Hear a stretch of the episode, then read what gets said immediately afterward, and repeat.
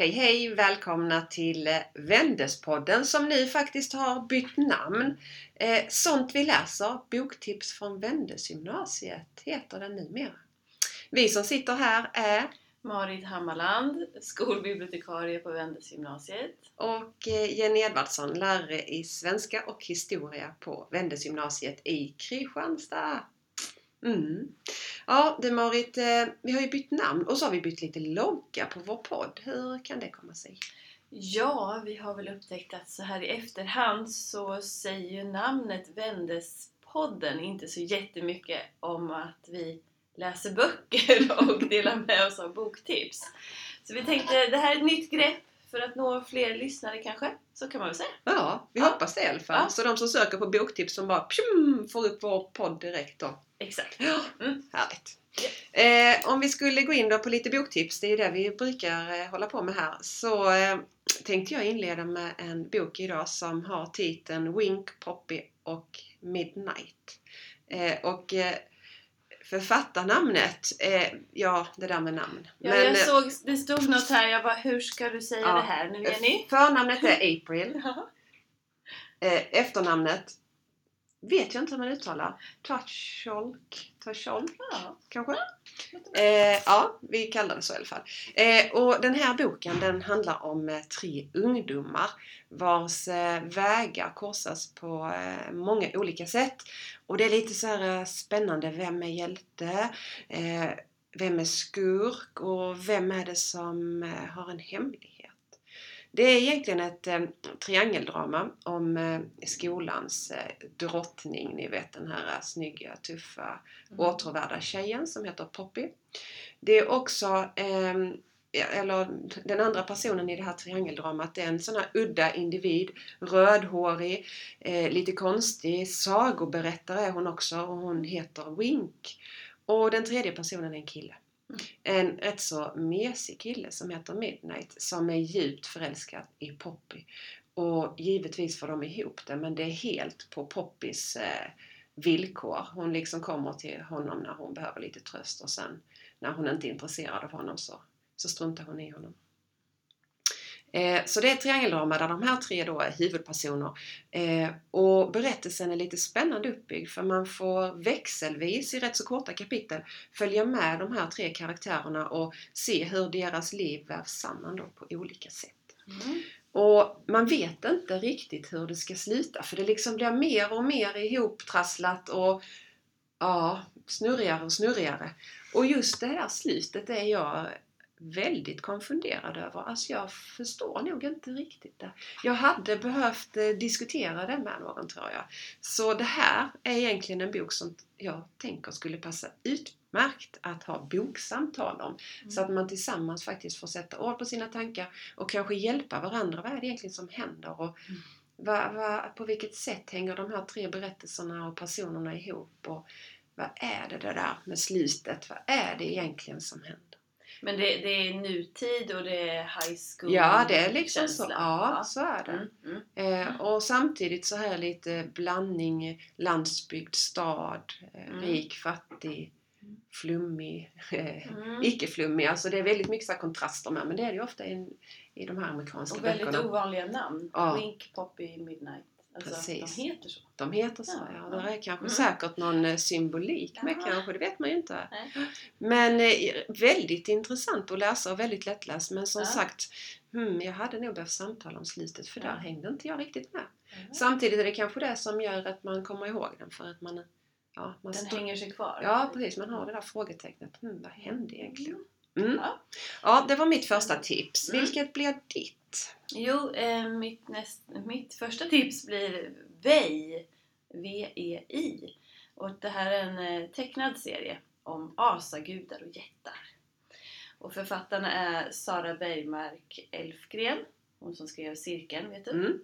och Carl Jonsson. Och jag blev lite inspirerad att läsa mer tecknat efter att vi hade läst Mitt extra liv. Det. Och det här är en riktig höjdare kan jag säga, den här Vej. Den är snyggt tecknad framförallt, med färg och allt. Mm. Och till och med en sexscen mitt i, mitt i. Mm. Det känns i och för sig lite signifikant för tecknade serier, Mm. eller? Ja, kanske Eller- så ja. Har jag fått det Lite. för mig? Jag vet. Eh, varning då till er som har tänkt att läsa den med era elever, får jag väl säga då. Eh, men som sagt, väldigt snygg. Kolla på den! Du kan göra. titta, det kan inte ni göra. Nej. Men den, eh, ja, och en riktigt bra story. Här ska ni få höra. Jag ska, kan inte berätta så mycket. För det, det tar Då avslöjar ja, man exakt. lite så. Ja. Men hur som helst så börjar boken med att man ser en kvinna ligga i vattnet. De ligger där och guppar. Och senare ser man en båt och på båten finns ett antal män.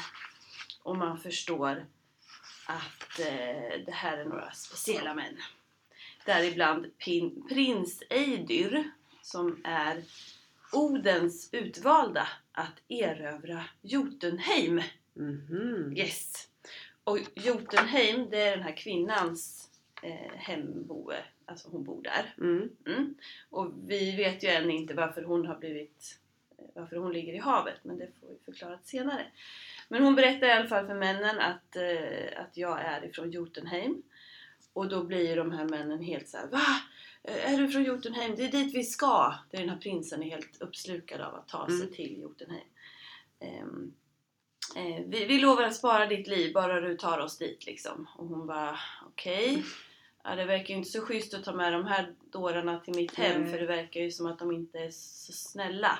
Men okej då, hon tänker ju jag sparar ju mitt liv så visst, Mm. den vägen är det. Och på vägen så möter de då en hård storm, så båten förliser och alla män spolas upp på land. Och ganska snart blir de här männen tagna av jättarna som bor i Mm. Jotunheim.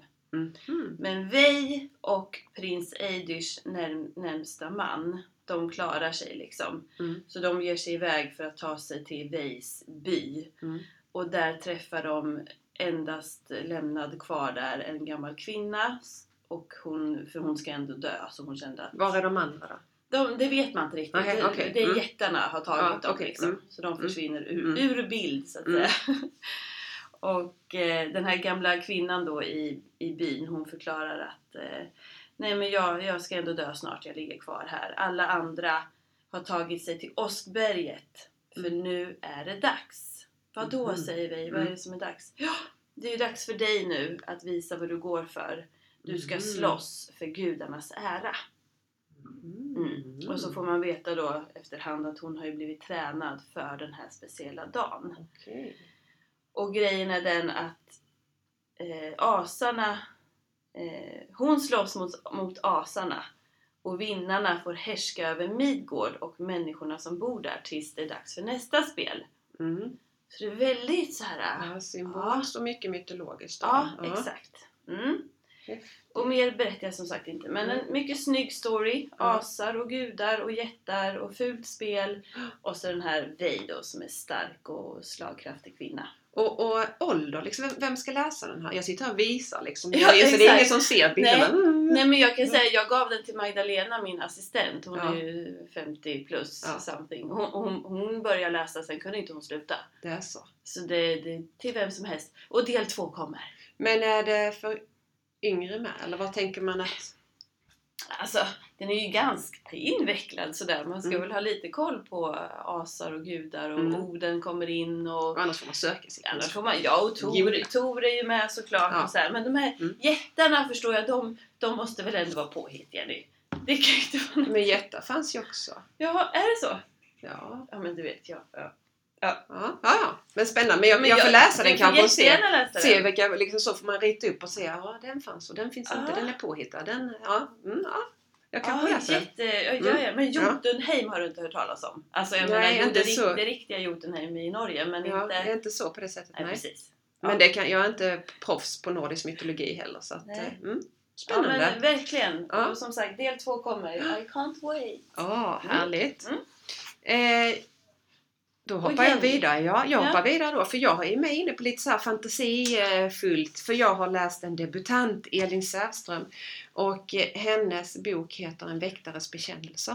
Jag fick ju tips om den när vi var inne på vår sån här eh, vad heter, kommunövergripande tipsardag. Ja. Boktipsdag. Ja, Mm. alla bibliotekarier i kommunen Ja. berättade om böcker. Ja, det. precis. Mm. Ja, vad kul. Då Ja. du upp den här. Mm. Just det. Elin Sävström, En väktares bekännelser. Och det är en ungdomsroman även där då. Eh, som blandar nordisk folktro mhm, eh, med modern fantasy i dagens Stockholm. Mhm. Det tycker jag är rätt häftigt. Mm. Eh, och det är liksom två parallella världar kan man väl säga. Det är då den, de mystiska väsena som lever eh, parallellt med de vanliga människorna. Och så finns det då väktare. Det är utsedda människor med speciella krafter Mm. som ansvarar för att de här mystiska varelserna inte hittar på dumheter och tränger sig in i de vanliga människornas liv. Utan de ska liksom kunna leva bredvid varandra utan att egentligen veta om varandra. Men ibland hittar ju varelserna på lite dumheter och går in i människornas vardag. Eh, och det här är en spännande, eh, välskriven och lite annorlunda ungdomsroman tycker jag. Och i centrum så har vi en 15-årig tjej som heter Tilda och hon är då väktare. Det är en gåva som hon har ärvt av sin mormor. Ofta går den så liksom från generation till generation. Men inledningsvis får man reda på att hennes mamma inte riktigt har den gåvan. Utan den har liksom gått direkt från mormor till Frida. Mm. Eller till Frida, säger. Tilda. Till Tilda. Ehm, och Tilda och hennes mormor de ska ha hand om Stockholmsområdet. För det finns väktare runt om i Sverige som har hand om olika områden. Mhm. Eh, Så varje dag så måste då Tilda kontrollera att alla varelser sköter sig och hon måste kasta ut någon typ av älvstoff i luften, några droppar varje morgon för att liksom de här världarna ska fungera så som det är tänkt. Ja. Eh, och till sin hjälp så har Tilda en hund som heter Dumpe. Och det inser man ju snart är en speciell hund för när mormor var ung så hade hon också den hunden. Ja. Oj. Så att det är en hund som inte är helt mänsklig då eller vad man ska säga, helt hund, Hundlig. hundlig. Utan den, den är också lite så här ja, different, annorlunda. Ja. Och eh, den här Tildas mormor hon eh, blir kallad upp till norra Sverige för att hjälpa en annan väktare för tydligen har det börjat bli problem uppe i, i norra Sverige. Så då blir ju Tilda kvar själv i Stockholm och ska ansvara för hela Stockholmsområdet. Och givetvis så börjar det hända en massa saker när hon blir lämnad ensam. Och hon är ju bara 15 år och har liksom inte riktigt lärt sig allting fullt ut. Så det blir lite problem. Och rätt så snart så kan man läsa i tidningarna att människor börjar försvinna sådär spårlöst och mitt framför ögonen på liksom de anhöriga utan att de anhöriga egentligen har sett någonting. Och Tilda inser ju att det här är nog de här varelserna och trollen och vad det nu kan finnas för några som eh, är inblandade. Så eh, hon börjar ju fundera och börjar ge sig ut på jakt för hon måste ju ta reda på vem det är som tar människorna. Och ehm, hon behöver ju också då få, få liksom kontroll så att inte de här två världarna hela tiden möts eller korsas. Det är en riktigt spännande bok liksom. Och det är också en sån här bok som är väldigt lättläst. Det är ett bra flyt. Så att man, Mm. gillar man det här lite modern fantasy och gillar det här med tomtar och troll och älvor och gud vet som liksom Mm. poppar upp i de mest eh, konstiga situationer så, så tror jag man gillar den här boken. Mm. Mm, spännande! Ett Ja. eh, bra boktips. Mm. Mm. Bra Ja, story. ja. Och du då? Du har läst något helt annat? Inte så mycket, eh, eh, vad heter det, sådana där eh, Nej, asagudar och och fantasy? inga, inte en enda elva heller Nej, faktiskt. nej. Utan Världens viktigaste kyss av David Levitan. Levitan? Ja. David är en amerikansk ungdomsförfattare och han har ju skrivit ett 20-tal böcker. Man känner igen hans namn sådär. Han har eget bokförlag och ger ut böcker av unga för unga. Och då boken Världens viktigaste kyss heter i originaltitel Two Boys Kissing. Vilket liksom inte stämmer överens med den översatta titeln, eller? Mm, nej, precis. Nej. Two boys kissing är ju någonting helt annat kan man väl säga. Eh, men eh, är det för känsligt då? Eller vad är det som gör att man inte vill ha? För direkt översatt så skulle det ju bli två pojkar som Kysser varandra. Ja. Är det för?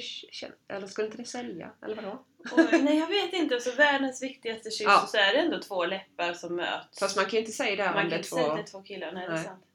Ja. Nej, Mm. så valde de att göra det. Ja. Mm. Intressant. Ja. Mm. Eh, hur som helst då. Grund, grundstoryn är att Harry och Craig ska sätta världsrekord i världens längsta kyss. Håll i er. 32 timmar.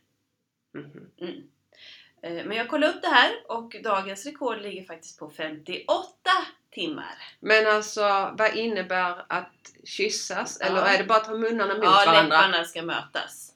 Mm. Det är det det enda. måste inte vara tunga. Nej, liksom Nej. inte... Nej, nej, utan det är att Det man... räcker att man står med läpparna mot varandra. Ja, okej. Eh, Mm. Och det finns, jag kollar på, googlar lite, det finns ett klipp från den kyssen i USA som inspirerade David till den här boken. Aha, häftigt. Mm, och då kan man se då hur de står och i, i filmen också i slutet så blir han så varm så han måste liksom ta av sig I filmen? i, i boken. I, ja, okej. I boken. Ja.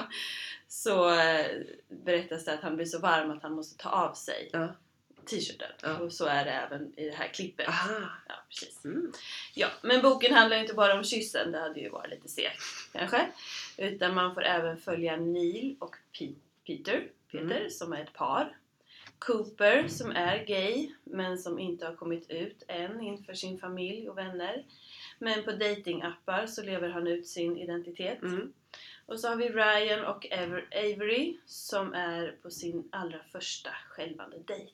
För de har träffats på ett high school disco som eh, anordnades bara för Homosexuella. homosexuella. Mm. Mm. Så det handlar egentligen bara om, om killar? Ja, Yes, det är bara killars, killars eh, Mm. homosexualitet. Mm. Mm. Och det snygga med den här berättelsens uppbyggnad är att det finns, eh, liksom i Boktjuven, en liten berättarröst som liksom ligger under och bakom hela tiden. Och i Mm. den här boken då så är det röster från män som har dött i AIDS. Mm. Män som har fått kämpa för att få vara sig själva och älska den som de älskar. Och männen och rösterna de vill liksom förklara och tala om för de här unga killarna att de duger och att de lugnar dem och vill hjälpa de här unga männen i deras kamp att få vara sig själva. Mm. Liksom. För även om boken är skriven i nutid så är det ju några av killarna som mår riktigt dåligt av att de är homosexuella därför att de inte tycker att de får vara det. Nej, precis. Samhället är inte så pass öppet. Nej, och Liksom. mamma och pappa Mm, kanske in- ifrågasätter och så. Och särskilt då den här Cooper story, det är den som griper an mest. Den bygger ju dessutom lite på en sann händelse. Eh, Cooper han blir avslöjad av sina föräldrar Mm. och avslöjad på ett så sätt att de ser att han håller på med de här datingapparna Mm. och att han, att han, har, han har liksom sex med dem i apparna om man säger så. Mm. Eller liksom Ja. virtuellt Mm. och så. Han träffar dem aldrig men eh, och då får ju pappan syn på det här vad han håller på med och han blir helt galen. Han bara skriker ja ditt äckliga monster, vad håller du på med? Och liksom verkligen så. Så Cooper tar bilen och drar. Och eh, nu berättar jag lite mycket men han blir så förtvivlad att han väljer att hoppa från en bro. Fy. Men han blir stoppad i sista stund. Okej. Och den här storyn har hänt på riktigt. Ja. Även om ja, alla Man lägger till och tar ja, ifrån. Ja, precis. Ja. Ja. Ja, och författaren David han beskriver de här unga människornas eh, vånda precis så precis. Men även deras lycka och kärlek och känslor och allt, allt, Ja. allt, allt. Ja. Jätte, jätte, jättebra bok. Och den, vi som ser boken kan ju säga att den ser inte jättetjock ut utan det, det känns ju Nej. som vi som pratar om tjocklek på böcker. Faktiskt Så bara knappt 200 sidor 200 eller? sidor. Ja, Ja. precis. Ja. Och så fint beskrivet. Ja. Och, ja, nej, den är. Ja. toppen, toppen. Mm. Mm. Men det du hade en till eh, som är lite också om eh, lite kärlek och lite, eller? Precis, eh, snabbt och lätt. Eh, Lina Stoltz, Du föll och jag för dig. Mm. Och Lina hon är faktiskt svensk och eng- engelsklärare och bor Mm. i Överkalix. Det här är hennes sjunde bok. Typisk kärleksbok, Mm. ungdomsbok med lite trassel. Som då handlar om Jakob som eh, är lite halvstrulig sådär. Röker på då och då, har gjort ett inbrott. Eh, ja, han blir Mm. lite misshandlad av pappan, mamman, mamman dricker lite vin. Alltså den Ja. ja, sidan. Och sen har vi Frida då som är prästdotter och har hög moral och hon har absolut inga planer på att bli kär i en gangster som hennes mamma kallar Jakob efter att ve- fått veta då vad Jakob håller på med. Så mamman förbjuder Frida att träffa Jakob. Bara så. Swish wash. Förbud är ju spännande, Ja, eller hur? Mm. Men Frida hon är ju liksom, hon, hon är verkligen kär i honom, i Jakob. Och även om hon omvärderar honom väldigt hårt för det han gör. Mm. Hon gillar det ju absolut inte. Eh, så ja, han, han lovar att sluta röka men hon litar inte på honom. Men dragningskraften finns där hela tiden och det Mm. gör ju relationen jätteklurig. Mm. Eh, Men Frida, alltså hon vill inte vara med honom. I, alltså, vad ska man säga? Tankemässigt. Nej, men, men hjärtat vill hon? Ja. Eller? Ja. Men hon tänker så här, ja, men om jag hånglar med hans bästa kompis när, Ja. när Jakob ser, då kanske Jakob eh, bestämmer sig för att han inte vill vara med Mm. mig. Mm. Så har vi löst problemet. Mm. Så då gör hon det. Och då drar sig ju Jakob undan såklart Ja. och tänker åh, oh, varför gjorde hon det här? Och sen hörs de inte mer. Men eh, det är så att Fridas familj ska flytta till en annan stad. Men hon får bo kvar i en lägenhet för hon ska gå kvar och gå klart gymnasiet. Mm. Mm. Där. Och ja, sen kanske jag inte ska berätta mer. Nej. Men dragningskraften är helt enkelt för, för stor. Liksom. Okej. Så Ja. det är det här slitningarna Ja. hela tiden. Får jag, får jag inte? Ja. Lalala. Är den Mm. bra? Ja, ja, ja! Jättebra. Ja, ja, absolut. Ja. Och så, som du säger, lättskriven, korta kapitel, kärlek. Är det från bådas perspektiv Familj. eller det är från, Ja, det är från så båda. det är lite så här parallellhandling eller Ja. lite så? Ja. Mm. Mm. Spännande. Familj, Mm. lite vuxen. Ja. Ja, lite så. Mm. Kanske jag får läsa för inte jag läst. Ja. Ja. Mm. Mm. Jättebra. Spännande. Och Ja. sista från dig Jenny. ja, mitt sista boktips det är Mm. från en norsk författare, Simon Strange. Eller hur man uttalar det. Eh, Stranger. Simon Stranger. Stranger. Mm. Eh, boken heter Skärseld. Och den är faktiskt några år gammal. Men jag tänker, jag tror den kom 2010. Eller något sånt. 2009 i Norge och översatt 2010. Mm. Eh, men den är superaktuell om man tänker på tematik och vad den handlar om. Eh, huvudperson är en ung norsk tjej som heter Emily. Hon är på Kanarieöarna med sin familj. Och de har semester, äter gott, ligger på stranden och pappan är sån här att var han än kommer så ska han alltid typ läsa lokaltidningar och så.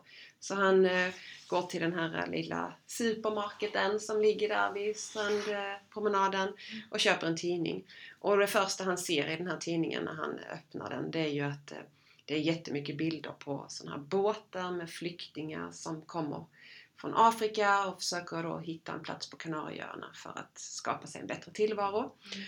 Och problemet är att det har kommit så pass många eh, flyktingar så nu vill man liksom stoppa och begränsa.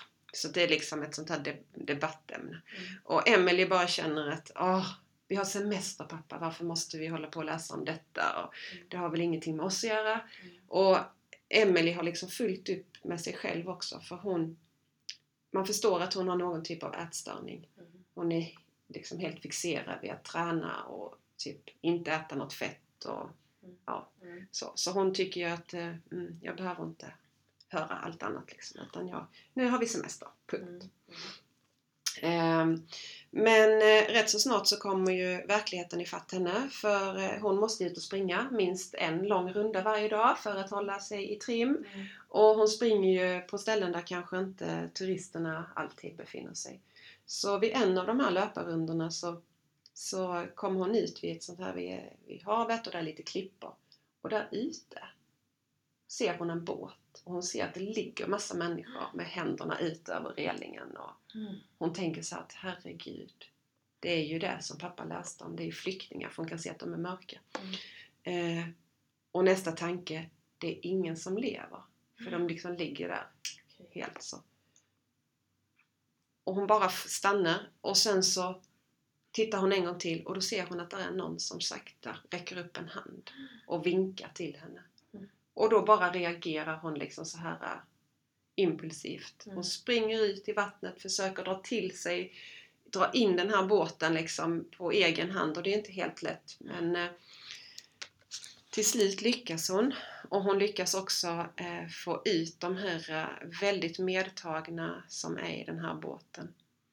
Eh, och det är ju då flyktingar som från olika länder i Afrika då har gett sig ut i en liten typ eka känns det som. Mm. Överfull. Mm. Eh, för att komma till ett annat land och få starta ett nytt liv.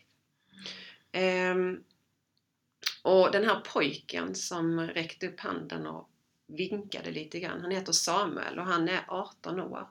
Och Emily och Samuel är ju varandras motsatser på alla sätt och vis. Mm. Men där finns också någon typ av attraktion. Och från att Emily liksom lyckades hjälpa de här flyktingarna att komma in på land så blir det hennes nya fokus. Hon liksom Mm. släpper lite grann det här med mat och löpning och så. Nu tänker hon att vad ska jag göra för att kunna hjälpa dem? Jag måste handla mat för de har inga pengar. Så hon liksom använder sina egna pengar och åker och köper mat. Och hon tar med dem till ett hus där det för tillfället inte bor någon och trycker in dem där och här kan ni Mm. nog vara några dagar. Och så. Mm. Men så, så givetvis är det ju så att polisen upptäcker att eh, båten ligger och guppar utan några människor och så småningom börjar då en jakt på att komma åt de här flyktingarna för de är ju illegalt på Kanarieöarna. Ehm, ja, jag tror jag stoppar där. Det är en Mm, spännande mm. bok. Och det som är lite spännande också med den det är också att det byggs upp så här med parallella berättelser. Man får följa Emily och hennes problematik och man får följa Samuel. Men framförallt får man följa Samuel genom att han återberättar det som han har varit med om i sitt hemland och den här båtresan och så. Så samtidigt som de möts här och nu så får man också reda på hans bakgrund lite grann. Okej. Han har fått in mycket på de här korta Ja, sidorna, för den är inte så... Så ja, precis. Så är det. Den är ju Ja. typ 150 sidor. Ja. Eh, så jag tycker den är väldigt läsvärd och den är ju lättläst. Mm. Eh, så tillvida att den liksom 150 sidor, rätt så Mm. stor text och så. Och händer mycket. Händer mycket, ja. ja. Eh, och den tar ju upp rätt så svåra frågor. Det är Mm. både det här med migrationsfrågan men också det här med problematiken med att ha ätstörningar och, och så. Och det avslutas också lite grann. Han är lite intresserad av statistik förstår man. Mm. Där, sista sidorna är lite statistik där han liksom, ja. Och det blir också så här att det, vi i västvärlden, Mm. vi kan äta vad vi vill. Mm. Ja. Men många av oss vägrar att äta. Mm. Och i andra områden i världen så skulle man inte bli annat än överlycklig om man kunde få äta. Alltså, Mm. så de som äter för mycket. ja, jo precis. Så- Det är ju, det är ju, ja, det är verkligen, ja, man, man får upp liksom ögonen och känner att ja, man har det nog rätt så bra. Mm. Faktiskt. Mm. Eh, och jag tänker att detta också är en bok som man kan läsa på högstadiet. Alltså högstadiet Mm. och kanske första åren på gymnasiet. Mm. Eh, och sen tror jag faktiskt att det finns fler delar. Mhm. Så att man kan få följa lite grann vad som händer med Bärs, eld, Skärs. Eld. Ja. Han har varit nominerad till eh, Nordiska eh, barn och ungdomslitteraturpriset. Mm. Ja. Mm. Mm. Så han är en av de där lite på uppgång norska författarna. Mm. Mm. Ja. Ja, det var allt för idag va? ja, eh, allt och, inget. Och, Allt och inget och väldigt blandat. Ja, Ja. precis. Mm. Mm. Eh, och vi tänker att vi ska försöka hinna tränga i, try- trycka in ett till eh, litet samtal där vi diskuterar böcker. Men det blir juni, 13 juni. Mm, det tycker jag. Ja. Och då kan vi kanske prata om böcker som vi ska läsa. Ja, kanske så. Att Kanske. det här är våra Ja, funderingar till sommarläsning. Och Ja. kanske att den här har vi läst. Nu kan ni läsa den under ja vi sommaren. är ju absolut. Precis! Mm. På återhörande säger väl vi då. Hej, Hej hej! hej.